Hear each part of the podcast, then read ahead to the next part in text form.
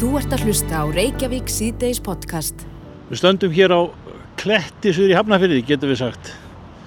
Eh, Það eru reyndar klettótt landslægið, svona ef að grætti skoða, ef að sést á milli húsa hér niður, niður við Hafnafjörðar höfn nánast, en, en ég nefni klettana vegna þess að hliðnámi stendur maður sem er þjóðkunnur fyrir rannsóknir sínar á þjóðtrúni og eh, er höfundur bókarinnar eh, Huldu Heimar.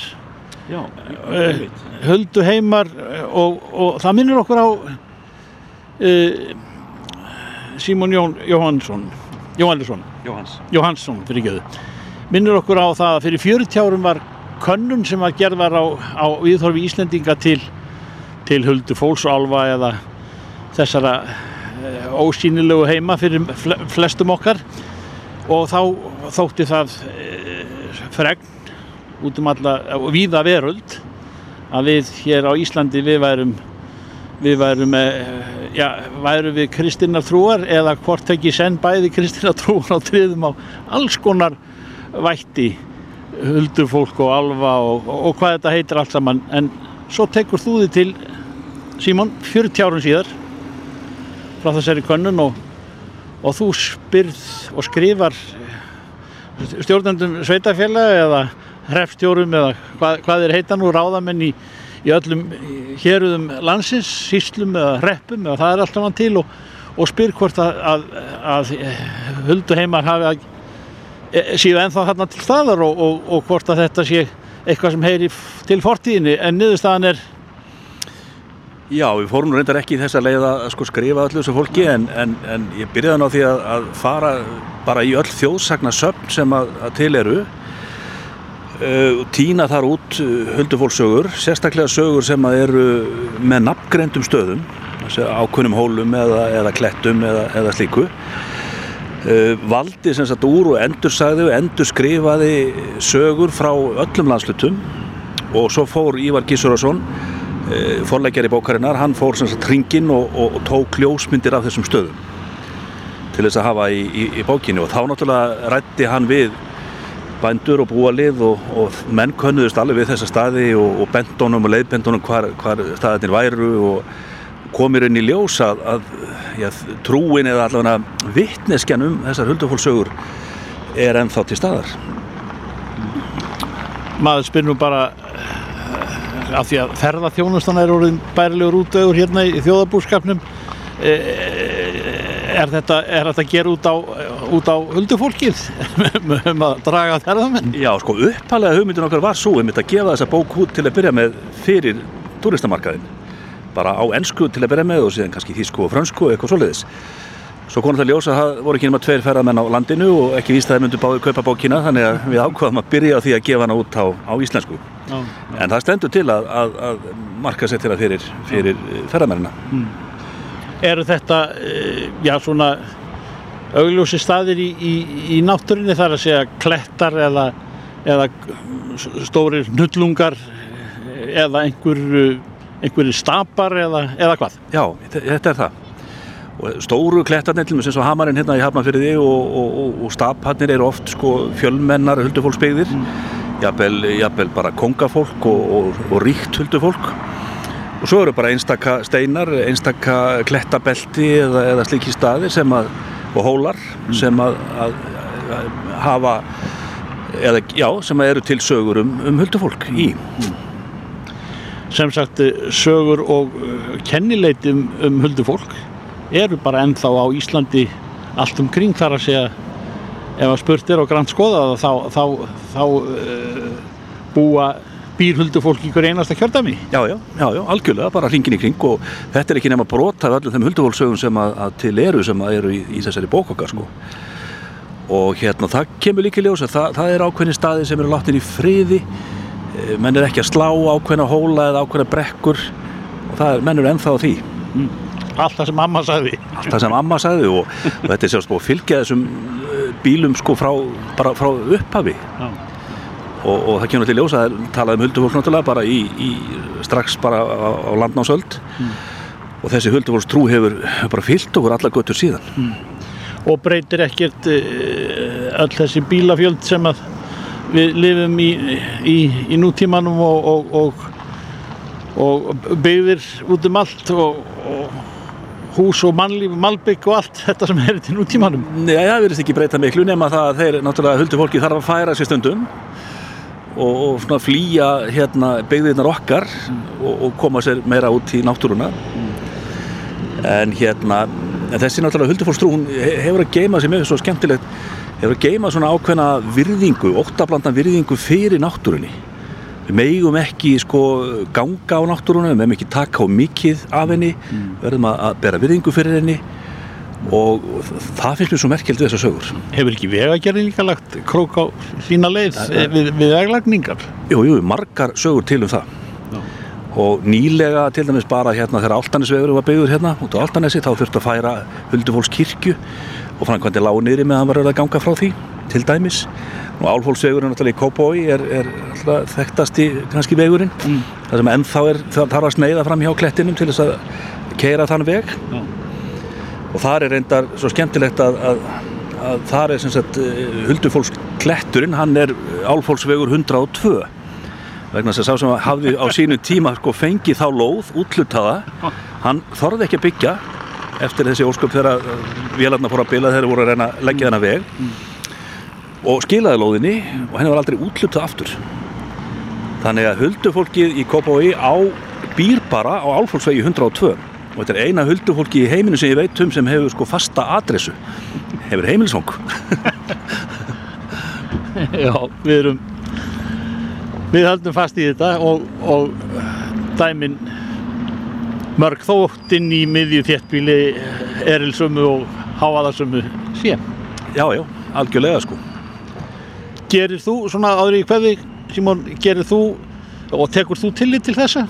Eða hefur trú á því að þetta sé það sé eitthvað hérna og þar, hér og þar? Já, ég held að sé nú bara ímislegt milli heimis og jarðar meira heldur við, við svona sjáum Já. uh, hérna dagstælega en sko þjóðfræðingur sem slíkur handla hann hérna spyr ekki hvort að huldufólk sé til heldur eru til sögur um það stór merkilega sögur og það er þær sem er gaman að rannsaka og, og skoða Simon, Jón, kæra þakki fyrir þetta og bestu kveðir í huldu heima. Takk fyrir það Þú ert að hlusta á Reykjavík C-Days podcast. Jæja, með Reykjavík síðdeis, það eru átta sem að greindust núna eh, síðasta sólarhing, mm -hmm. töluðnar aðeins upp á við, en munar ekki miklu þegar við erum með svona fáar eh, hérna, eh, litla tölur Já, en og það, voru ekki, voru ekki allir í sótkví? ég held það. Já, Það er nefnilega merkilegt að sko þegar að tölutna lækka þá, þá fylgist maður ekki alveg eins vel með. Ég ekki að viðkynna það hér og nú. slakar aðeins á klónni. Já, Já, þetta er eitthvað sálfræðilegt. Mhm. En eh, já, sótvarnanleikni sagði í dag frá því að, að eh, ja, hjarðónæmi mhm. mun ekki nást fyrir ná setni hluta næsta árs. þetta, þetta er bara sjokk fyrir marga. Já, ég held að við höfum verið orðin svona nokkuð vongóð um að, að byrja bara næsta ár með trompi, Já. bara loka þessum kabla. Mm Og næsta En- vor eru þið komið þetta hérðónami. Akkurat, en, en þessi kapli verðist alltaf að vera lengri en við heldum. Já, Þórólur Guðnarsson er á línni, kom til sæl. Já, sæluveriði. Má ég leiðir þetta eitt, það voru, það voru sko allir nema einn í sótkví. Já, þessum átta. Takk Já, fyrir það. Gott að hafa það á hreinu. En uh, breytingar á plani, það er að segja, ég veit að það er margir sjokkar við þessum fréttum að við verðum kannski eitthvað út næsta ár að eiga við þetta.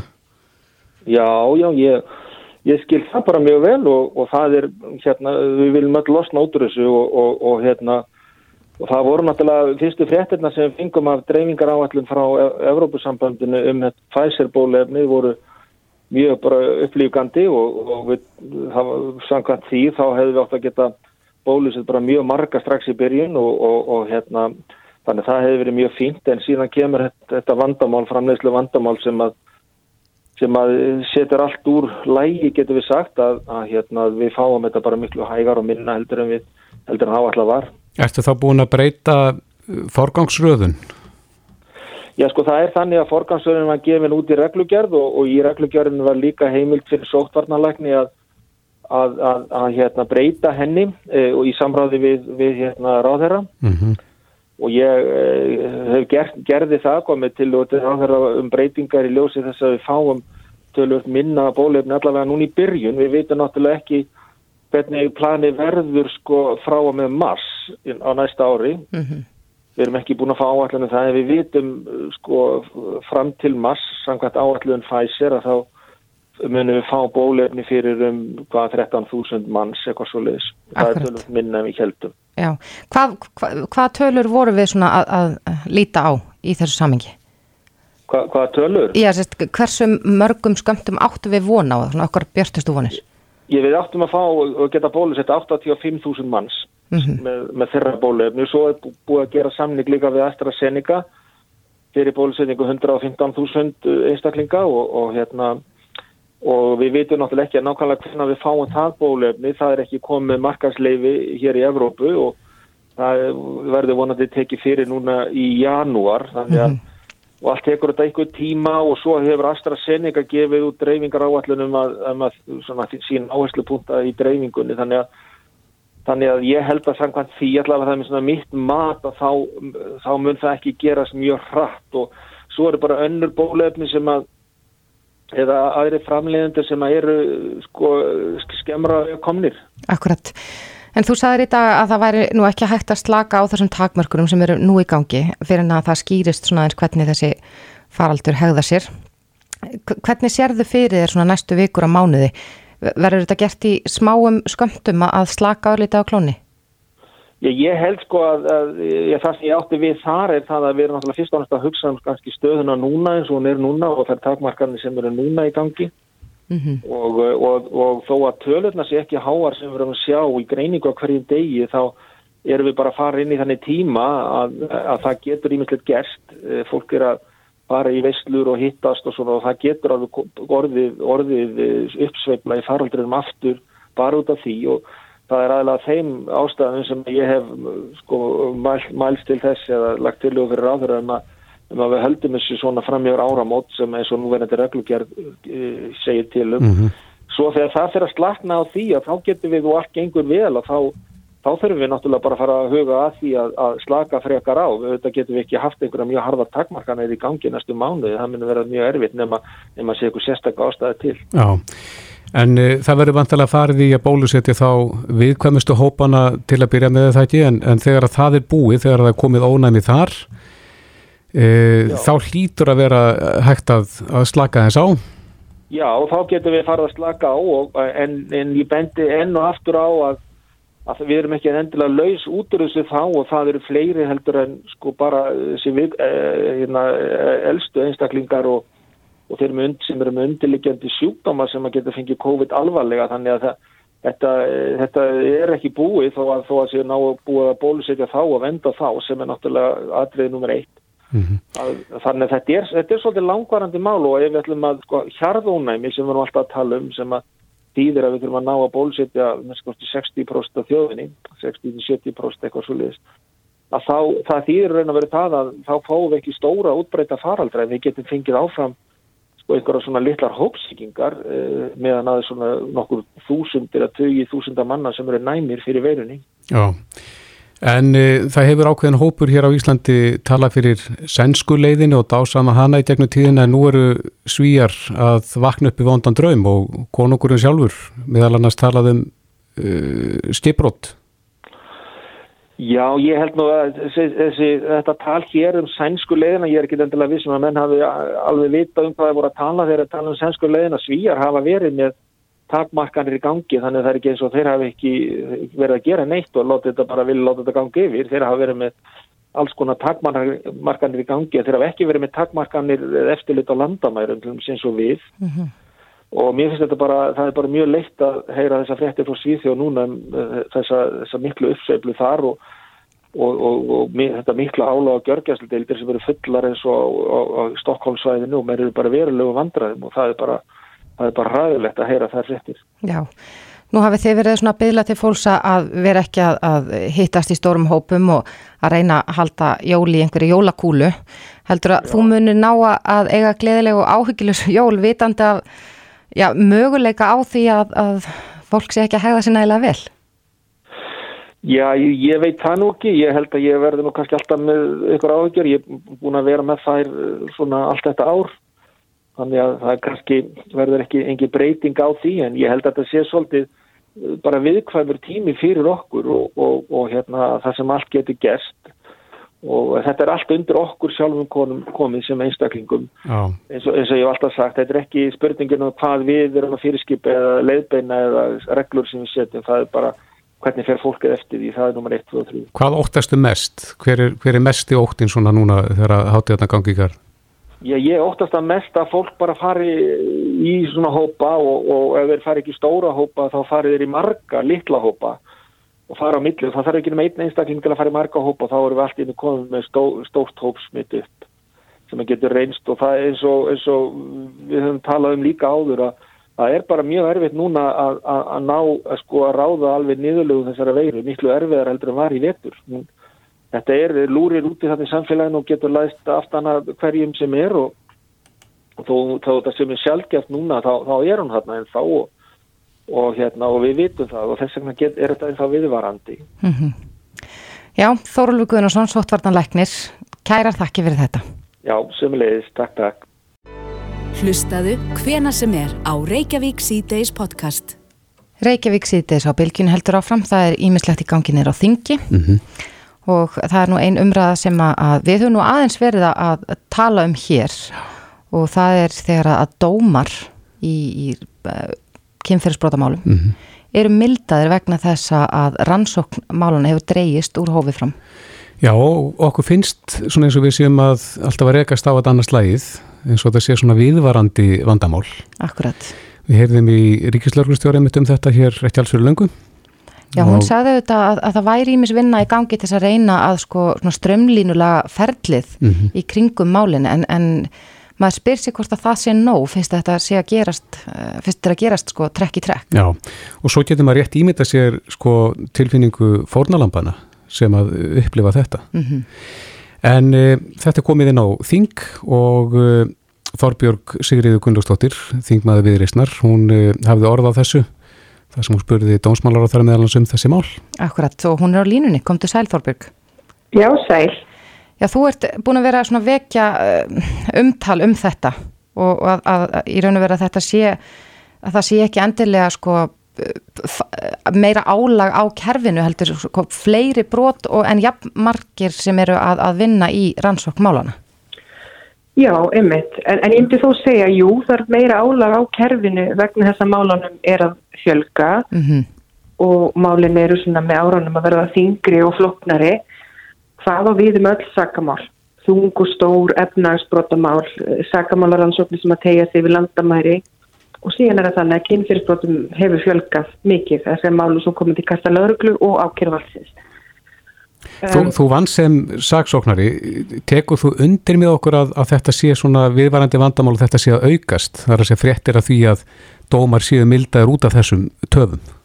Heiklust viðvarandi vandamál og vandamál sem er í árumtalið Um, þannig að, uh, já, ég myndi gera það. Og við erum að sjá það að kannski domstólar eru svona farnir að stíga fastar niður fæti, það gera er vegna þess að sangat mannreitnindarsáttmálanum og sangat okkar einn stjórnarskar á þá ásakborningur rétt af því að málið hans drægist ekki úr hamlu. Það er svona okkur mannreitnindarsjóna með honum til varfnar og þá gerist það að jafnvel þó að menn séu sakveldir ef að máli hefur dreyist mjög að refsingir lækku. Jafnvel þú sem að tala um mjög alvarlega sekamál. Kynferðskotamál gegn börnum, nöðgunamál um, og svo framvegis. Vegna þess að, að, að bara gröfur stjórnarskrarinn að gera áskilaðum þetta. Þannig í þessu fælst ekki gaggrín á domstólana, þeir geta í sjálfs ekki gert neitt annað og í þessu fælst ekki heldur gaggrín í ákjöruvaldið eða öruglu vegna því ég veit að bara sjálf að það eru menna drukna í málum Þannig að mín spurning eh, til dómsmálaráður var einfallega þessi hvaða lausnir sér hún í stöðunni. Því þetta er mjög alvarlegt mál fyrir samfélagið allt ef að dómstólarið eh, í þeim spórum stundum að dæma vægari refsingar en þeim sjálfum hefði þótt öðlilegt ef þetta hefði ekki komið til. Uh mhm. -huh. Ég er alls ekki haldið í fram að svona sé þetta í öllum málum eða tala réttakerfi niður en við sjáum þetta og við sjáum þetta of oft. Mm -hmm. Og svo er það heimliðin á þessu að þetta er auðvitað ömurlegt fyrir brotafóla. Því það held ég allir viti og skilji hvað það er stórt skref til dæmis fyrir konu eða karl að fara fram og leggja, leggja fram kæru fyrir nöðgun eða einhver svona traumatíska upplifin e, og, og kerfið er því hann lengi velkjast í gegn kerfið með tilherrandi kvíða og streitu fyrir brotaþóla síðan kemur dómur og þá er hann eins og við erum að sjá dæmi kannski skilustundin að öllu leiti Akkurat, en þú spyrð Mín spurning var bara, getur við ekki gert betur fyrir brotaþóla uh, og samfélagi allt en Já. þetta. En þú spyrir dómsmálur á þeirra uh, hvaða lausnir hún sér á þessari stöðu en, en já, þú hefur nú bæði reynslu og þekkingu af slíku málum. Hvaða lausn sér þú á þessari stöðu? Sko mér finnst þetta blengin geimvísindi. uh, málin, málunum hefur fjölgað uh, og uh, það er í sjálf og sér ekki endilega neikvægt. Uh, það væri neikvægt ef þessum brotum væri að fjölga. En það er kannski jákvægt ef við erum að ná því fram í auknum mæli til dæmis um kynferðsbrotin að fleiri þólendur er að stíga fram og kæra. Í því fælt svona ákveðin tröss yfirlýsing kannski til kerfitsins og það er kannski til margt sem það að við sem svona komin að fá stað að umræða, eh, er hún opnar í skömmin, er að hverfa og svo framvegð. Um, ég sé þetta í grunninn sem ekki flóknar að vandamál að leysa en það að það þurfi bara fleiri hendur. Að það þarf, um, það þarf meiri mannskap. Ak- Því það er ekki hægt að segja það til dæmis við saksóknara sem er með nánast einböngu kynfyrirspottamál og sínu borði að segja sett þú kynfyrirspottamálinn í forgang. Mhm. En er ekki, kemur þetta neyðakall ekki innan úr kerfinum? Nú heyri maður ekki saksóknar þá sem eru í þessum uh, málum, er að vinna á þessum bunkum. Maður heyri þá ekki ómubærlega kvarta eða, eða byggja meira fjármagn eða meiri mannabla. Já, ég sá nú reyndar viðtal við, við uh, saksóknara og yfirmann uh, þetta málflokks uh, í viðtali í morgunblæðinni fyrir einhverju vikum síðan þar sem hún var að lýsa því að það þyrti miða við þá staðarind að það væri 40% aukning mála þá segja hún fyrir því að það þyrti að minnstakosti þrjá saksóknari til viðbótar hjá hennar ennbætti um, og þannig að það held ég að nú heyrist alveg en þetta er það kannski líka svona um, já, samtal sem er ekki, ekki alveg auðvöld að eiga. Er það, er það ótti þá við uh, yfirvaldið? Eða, nei, nei, nei, nei, ég held ekki að halda því fram en menn er kannski bara í sínum önnum en, en að þú nefndir þetta, það hef, nei, nei, það er alls ekki þannig. Um, en að, þetta hefur alveg heist uh, innan úr, úr kerfinu, bæði af hálfu ákjörvalds og lauruglu og það hefur þetta, ég ætla ekki að heldur ekki taka þátt í því ég var að tala allt kerfi niður. Margt mjög gott það er gert, gert á undarförnum árum. Og uh, stóri punkturinn er bara að við hljótum að geta gert betur hvað þetta varðar og þetta er til til að auðuleysanlegt vandamál. Er þetta bara leysanlegt með því að, að sko, bæta fjármagni í þennan málaflokk?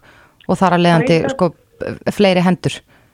Fleiri hendur um borð á dekk, eins og maður segir, uh, þannig að það sé hægt að, að stuðla því að, að, að koma í veg fyrir það að þetta gerist. Og aftur þetta sannlega ekki við um öll málar þetta fyrir endil en við sjáum þetta gerast og við sjáum þetta gerast of oft. Um, nýlega dómar í landsetti sín þetta en líka þegar maður fer að skoða tilbaka að þá er þetta uh, vandamál sem hefur staðið uh, árum saman. Og það var það sem ég var líka nefna við dómsmálur á þeirra vissulega er hún ný í þessu ráðunetti en hennar, hennar flokkur hefur farið þarna með völd í síu ár. Þetta er ekki vandamál sem vorum að uppkvita í síðustu viku. Nei, en já, þú, þú spurðir hana þessa spurninga, hefur það fengið einhver svör eða einhver viðbröð við þessu? Já, uh, hún svaraði því til um, réttilega að margt gott hafi verið unnið innan afhaldu bæði lauruglu ákjörvald, svona hvað varðar verklag uh, að mál séu sendi við erum milli ennbættum með rafræðum hætti og svona mm og það þekki ég bara sjálf. Það er heilmikil og góð vinna sem eru átt sér stað innan uh, kerfisins sjálfs uh, og, og, ekkit, og, og það er bara jákvæmt og ekkert nema gott um það að segja. Það leysir hins vegar ekki alveg úr, úr þeir stöfu að því að vera málunum fjölgar og, og sakamálar rannsóknum nútímans þar verða alltaf flóknar og flóknari. Það þýður líka þar verða tímafjökari að það vantar einfallega fleira fólk. Þannig eins og ég var að segja við ráðurann, ég er ekkert að beina aðteklinu að kastljósuna kerfinu sjálfum, ég þekki það ákveðla hvernig það vinnur, það vantar einfallega fleira fólk. Praktík vandamál líka önnur eða þegar má dragast, e, þá hefur það bara áhrif og það þegar að vittni síðan koma fyrir dóm e, um sönnurstjum, hvernig menn segja frá, hvernig fólk segja frá, hvað maður mann, þegar tímin, tímin vinnur ekki með okkur. Ef við langt í liðið, já, einmitt. Nei. Þorbjörg Sigriði Gunnlaugstóttir, þingmaði viðreysnar og fyrirverandi saksóknari hjá Ríkis saksóknara. Kæra þakki fyrir þetta. Takk, kærlega fyrir. Reykjavík síðdeis á bylginni. Reykjavík síðdeis heldur áfram. Eins og við sögum aðan þá er ímislegt búið í gangi á þinginu og uh, Þórildur Sunna Ævarsdóttir, þingmaði Pírata, -hmm. vakti aðtegla því í fyrirspurna tíma á alþingi morgun að um, í frumvarfi í ég held að þessi breytingafrömmvarp á lauruglulegum að þá geta erlendir lauruglumenn sem koma hingað til lands mm -hmm. fara með laurugluvald hér á landi Já. og hún hafði ágjör á þessu mm, Já, spurði tónsmálar á þeirra hvað, mm -hmm. hvaða vald þeir fengju þar að segja hvað býð þarna baki og uh, Áslegu Arna á þeirra er á línunni, kom til sæl Sælverði Já, hverju svarar þú, hvaða heimildir eru erlendir lauruglumenn að fá til þess að starfa hér? Það er verið að skýra alþjóðlega samfinn okkar við laurugluðuvöld þar sem verið að gera ráð fyrir að laurugluðið lið geti aðstofa mellir landa. Þannig að eitt ríki tekur á móti laurugluðið frá öðru ríki ef kemur til stóra gæsluverkefna eða í neyðatilvika. Er það að tala þá um svona rassýr þar sem að mál tengja sér millir landa, eh, peningaþvætti, stipul og glæpastað sem þú slíkt? Já, er, þetta er í sambandi við það sem uh, segir í samning sem undirritaði var 2009 um þáttöku Íslands við alla öðrugsamstarf yfir landamæri og þá er mitt engum í þessum stóru málum, bara áfyrir kriðiverkum og glæpastarfsemi yfir landamæri. Og þetta er gert á nefnt um samkómuleið mm -hmm. og eftir þessu erum við að vinna og bæta þessu inn í lögurlaugin á samt umsum öðrum breytingum. Akkurat. Um, Þóruldur Sunna spurði nú meðal annars hvort að það væri mögulegt að bandarískir alríkis lauruglumenn getur allt uppi hakkara hér á landi eða þýskir lauruglumenn mætt með seffurhunda hingað uh, á segisfjörð þar sem að, að Norrannan kemur til hafnar. Er þetta sem sagt ekki neitt í þessa átt? Nei, aðlættir þetta stjórn allra lauruglu aðgerða sem erlendi lauruglumenn gæti tekið þátt í hér er svo íslensku lauruglunni og það geta ekki komið hér erlendi lauruglumenn og tekið sér valda á þess að það sé undir reglum íslenska lögurgliðu valda. Mm -hmm. Þessi heimildir, þetta er ekki í uh, núgildandi lögurgliðum? Að verða skýrana og uh, hverða skýra um það ríkislögurstofi geti ákveðu uh, og tekið á mótu þessu í samræmi við þetta samkomla mm -hmm. og líka skýra þá reglíkjara heimild fyrir ráðherra til að uh, gera skýra reglur um slíkt, slíka samvinnu. Er þá verið að tala um, já, er þá verið að tala um að uh, erlendur lauruglumenn geti mætt hinga til dæmis til að yfirheyra sagborninga uh, þá á, á þeirra móðumáli og annað slíkt? Þetta er kannski fyrst og þannig hugsað um uh, til dæmis að sinna réttabæðnum. Það getur verið næst ríki sem eru óska eftir aðstóðum að kannski uh, handtaka mann sem er sagveldi fyrir eitthvað erlendis uh, að þeir geti komið með sína lauruglumenn hingast. Uh, þetta getur verið síðan bara í neyðartilveikum eða stærri málum sem fara þess á landamæri en alltaf undir stjórn, ríkislögustjóra og hérna, alla lögurglæðgjörn. Já, þannig að þessir erlendur lögurglæðmenn geta ekki mætt hingað upp á klagan og handa ekki hvert sem er? Nei, það getur þeir alls ekki, það er sérrið sannig. Já. Já. Við heyrðum hérna áðan í Þorbjörgu S. Gunnlaustóttur þingmanni viðreistnar um það sem hún kallar verst geimta leindarmál réttarkerfisins en það er langur málsmeð fyrir tími og hún spyr þig meðal annars sko hvaða lausnir sér þú á þessari stöðu en það hefur ítrekka verið í fréttum undan farið að verið sér að milda dóma í kynferðisbrótamálum vegna málsmeð fyrir tíma. Hvaða lausnir sér þú á þessu? Já, við hefum unnið mikið verk í uh, bætti meðferð kynferðsbótamála í öllu kerfinu svo vinna fór á stað fyrir nokkrum árum síðan. Síðan voru áherslu fyrstar í byrjun af 2018 og sett aukið fjármagn í þennan málaflokk. Um, skipuleginu var breytt með að landast, komið rafræn rannsaklar áallun, málinu komið mun betri farðeg, það er vel forgangsraðað alveglegustu málum.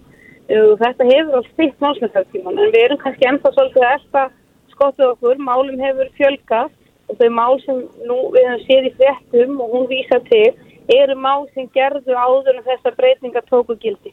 Þannig að e, nú erum við að sjá og höfum hefta bæði frá lauruglunni og fjárhagsdagsóknara að e, það eru afar fá mál sem eru, hérna, það eru kannski tvö mál sem eru orðin áskömmur. Þannig að málsmeðferðartíminn er að vinnast betur en þessi dómar sem eru að falla núna eru kannski e, inn í því kerfi sem var orðið óbóðlegt og þess vegna tóku við af skari með skýrið aðgerra áslun e, og auknum fjármagni í laurugluna, sérstaklega í e, meðferð kynferðsfólta. Viltu þá meina að við séum ekki farin að uppskera sko, eftir þá vinnu sem lögð hefur verið þennan málflokk? Eh, ekki þeim svona málum sem eh, er lengst frá að gerðust og hefur liðið hvað lengstu tími að nei, að þá ekki verið uppskeran. Á sama tíma erum við líka að sjá fjölgun mála eh, í þessu og viljum gera áfram betur. Mhm. eh, við hefum útsetað ríkisæksóknar á lögreglu á höfubólksvæðinu og ríkislögurstjóra að þróa og samræma og bæta þetta verkla og það hefur verið í vinslu allt frá byrjun janúar 2019 og alvarlegu brotin hafa forgang, það er bókar börnum, en upplýsingar sem ég fæ er að þetta hafi skipt miklu máli til að styrkja embættin og gera rannsóknir skilvirkari og þar með styrkja þennan tíma og við tökum þetta undir það að þetta er óbúðlegt í íslensku réttakerfi að e, hérna aðla fái léttari dóma vegna að kerfið er ekki að virka sem skildi. Já, en áslega veistu hvað eru mörg mál núna sem eru með þannan og eru að velkjast um í kerfinu sem eru komin með svona langan vinslutíma? Nei, ég veit bara málin er að fjölga og það eru aðeins tvö mál sem býða afgjörslu hjá hérasaksóknar sem eru orðin áskömmul, öll önnur eru yngri þannig að það bendir nú til þess að við séum að ná í skottið okkur. Já, það hljómar vel. Áslög Arna Sigurbjörnsdóttir, Dómsmálar á þeirra. Kæra þakki fyrir þetta. Takk sem leiðist. Þetta er Reykjavík C-Days podcast. Jæja, það er vika til jóla og uh, vantilega er atriðalistin orðin langur eitthvað stað það sem að fólk er ekki byrjað kannski. Já, ég finn til með þeim sem er ekki byrjar. Ég fór aðeins í kringluna og það er mikið af fólki allstar. Já, Og svona maður þarf að passa sig, það eru fjarlæðatakmarkanir og fjöldatakmarkanir og ýmislegt. Þannig að ég Nei. allavega myndi ekki vilja verið þeirri stöða. Eiga eftir að gera allt. nei. En hvernig lítur atriðalistin út? Hvað, hvað þurfum við að hafa í huga núna þegar að jólin nálgast til þess að brenna ekki inni með þetta? Mm Og líka bara þegar kemur að sko matveldinni. Já, Maður þarf kannski að kaupa og vera búin að marinera það. Ég veit ekki alveg hvað fólk gerir á jólunum. nei. Ég heyrði hérna í bítinu daginn, það var viðtal við uh, konu frá Eldum Ritt. að nú er ferð að bara selja hátíða pakka. Er það ekki bara sniðu hugmynd fyrir þá sem kannski hafa ekkert sérstaklega gaman af þessum undirbúningi? Já, og eru kannski ekki endilega með á hreinu hvað þarf Nei. í og annað. Ég hef einu sinni gert það fyrir ekki að ég skjóti því að Já, gert þau mistök á aðfangadag ætla að búið til bernessósu frá grunni í fyrsta skipti. já, Þa, það var ekki geðslegt. þú þurft að fara í æfingabúður Ég, ég meina, maður á kannski ekki að gera það klukkan 5 á aðfangadag í fyrsta sinn. í fyrsta sinn. Nei, mitt. En Margrét Dórótea Sigfúsdóttir, uh, skólameistari hústjórnarskóla, sér á línni, komdu sæl. Blessa sæl, blessa sæl. Já, við náum þér eða ekki bara í miðjum jóla undirbúningi, ert ekki að pakkin pökkum? Jú, jú, ég er að pakka í jólfjökkum. Já, Það var einhvers tíma að gera það. já, er, er margt eftir hjá þér? Nei, nei, nei, nei. Það er bara, er að dúlast svona. Já, en hvað þurfum við að hafa í huga, Margrét, núna svona þegar að vika er til stefnu? Sko, aðtóa að fara í gegn að hvað er búin að köpa jólagjafar handa öllum. Mm Hvað er búin að ákveða hvað er hefði matinn. Hvað er búin að kaupa einhvað af því sem er alltaf að kaupa. -hmm. Og gera bara lista, það er langbest. Mm Skrifa niður. Já, það, þegar maður heldur maður mun, alltaf mann ekki neitt. Mm Ég var að segja frá þetta rétt á hann að ég hefði ég prófaði að gera bernessósu klukkan 5 á aðfangadag eitt, árið mælur kannski ekki með því. Nei, ég mæl ekki með því, alls ekki. ekki fyrir ekkert að þjóta að fá gesti og búa til einhver sem aldrei gest áður. Hvað hefði Þórtið sátt að gera þarna í þessu tilfelli? Það er bara að vinda sér og gera bara einhver aðra sósu. Mm og það er voðalega gott að hafa það bara tilbúið eða eiga að pakka sósu Já, til þess að bjarga sér fyrir hot. hot bjarga sér fyrir hotnið maður gerir ekkit svona eins og bernið eða hollandi sósu í fyrsta skipti þegar fólk er að koma að borða.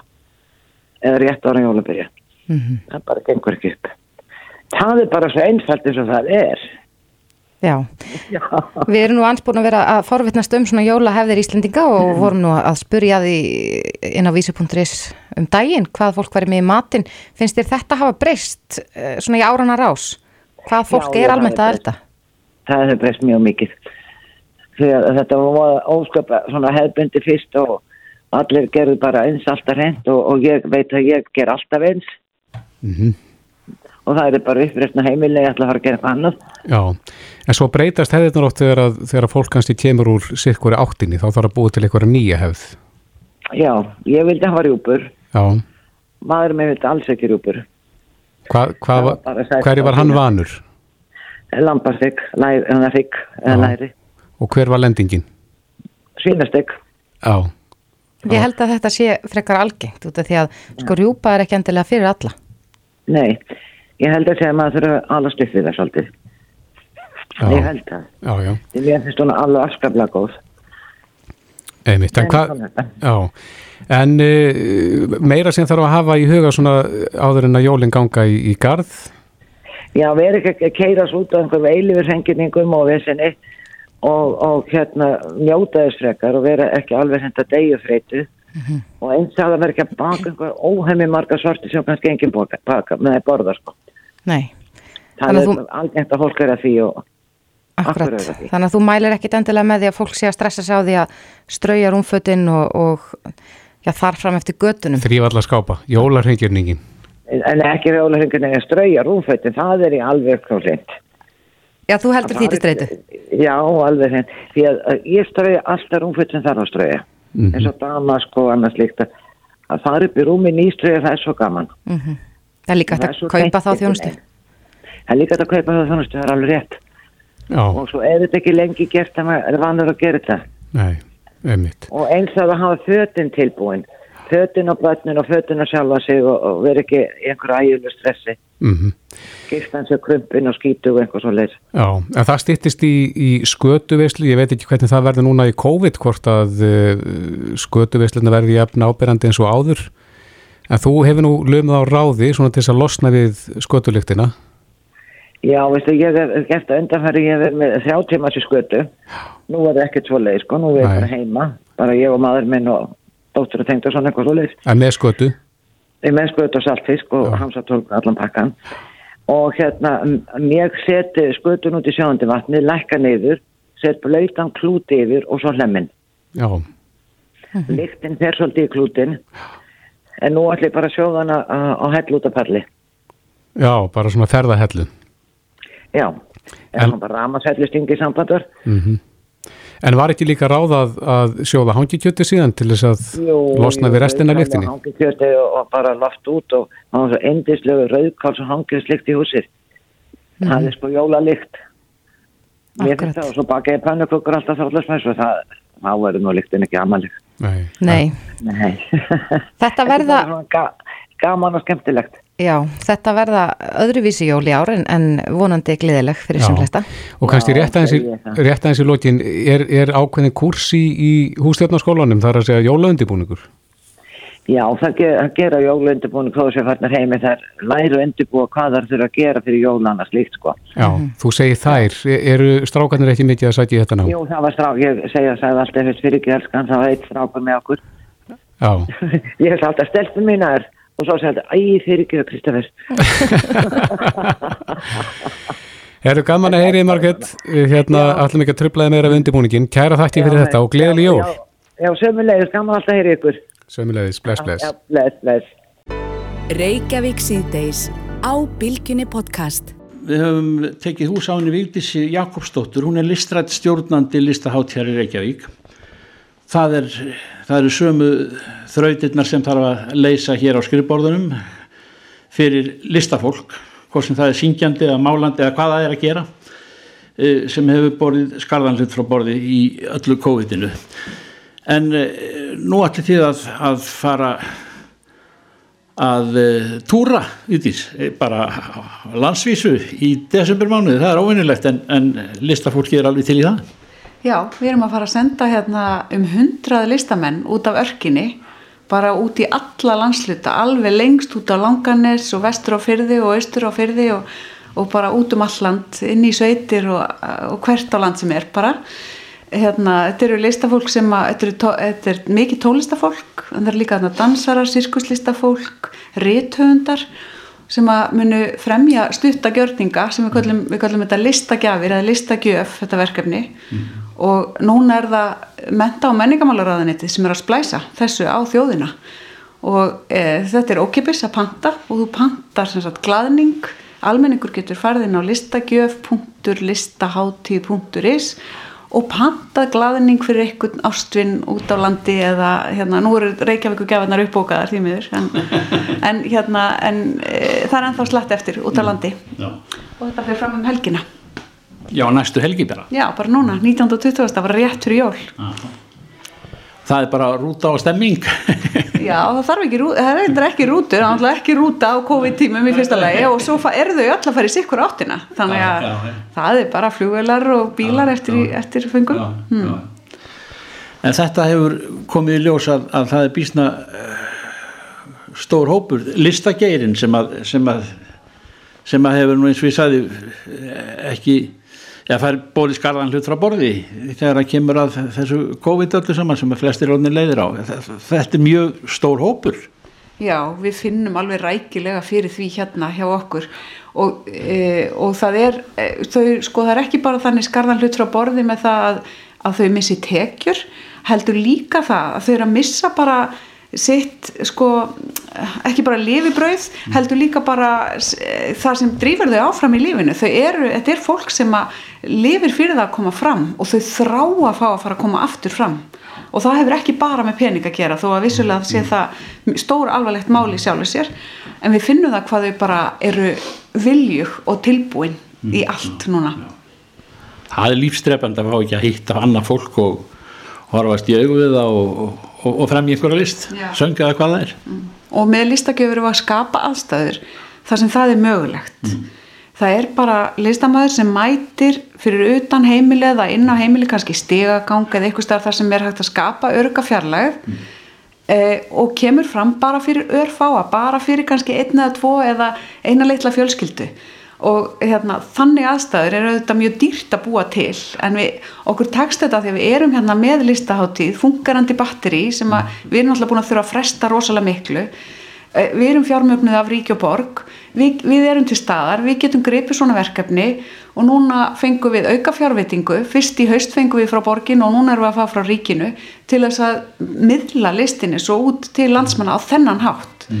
Og þetta eru einstakar aðstæður og þá er hægt að breðast við á eitthvað svona einstakann hátt og búa til eitthvað alveg sérstakt.